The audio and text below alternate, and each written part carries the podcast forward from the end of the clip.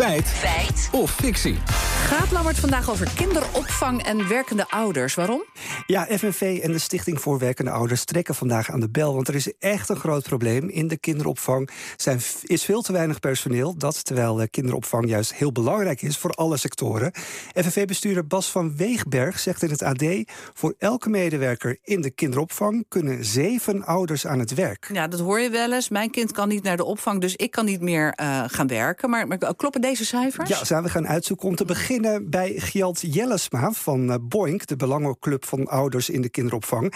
Eerst vroegen we hoeveel kinderen één begeleider uh, onder hun hoede hebben. Eén medewerker mag drie nuljarigen in de groep hebben.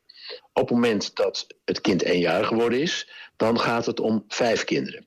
Op het moment dat het kind twee jaar of drie jaar is, dan gaat het om acht kinderen die onder de verantwoordelijkheid van één medewerker mogen vallen. Ja, voor jongere kinderen geldt gemiddeld heeft één begeleider zo'n zes kinderen onder zijn of haar hoede. En voor oudere kinderen ligt dat weer anders, zegt Jellesma.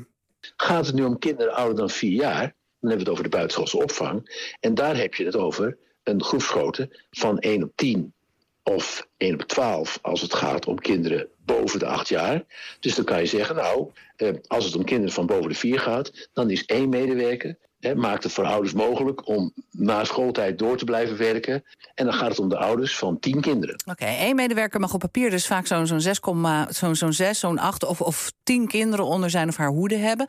Maar hoe ziet dat er dan uh, in de praktijk uit? Ja, dat weet Johan Vriesema. Hij is directeur van Floreo Kids, een grote kinderopvangorganisatie met 25 locaties voor kinderen van alle leeftijden. En hij wilde dit heel graag voor ons uitzoeken, dus is voor ons aan het rekenen geslagen. Als we nou gewoon eens gaan kijken hoeveel kinderen we totaal opvangen in een week, dan heb je het over 2900 kinderen die wekelijks bij ons komen. Die komen uit 1435 gezinnen. Nou komt die, van die 1435 gezinnen zijn er 500 eenoudergezinnen. Dat betekent dat er volgens onze telling dan 2340 ouders uh, uh, kunnen werken bij ons door wat wij doen. En dat doen wij met 226 pedagogisch medewerkers. Ik hoop dat die PABO-studenten van zo net hebben meegeluisterd. Ja, ja. nou, hij heeft alles nog eens dubbel gecheckt voor ons... en komt tot de conclusie dat zijn organisatie 1 op 10 loopt. Dus een pedagogisch medewerker, één pedagogisch medewerker... zorgt ervoor dat 10 ouders kunnen werken. En als je al het andere personeel, zoals managers, schoonmakers... Uh, en dergelijke meeneemt, dan komt hij uit op ongeveer 1 op 7. Oké, okay, maar gaan die ouders dan ook meer werken? Ja, dat vroegen we aan Pierre Koning... hoogleraar arbeidsmarkt en sociale zekerheid aan de Vrije Universiteit. Hij zegt op basis van eerder onderzoek meer plek op de kinderopvang betekent niet direct dat ouders ook echt meer gaan werken.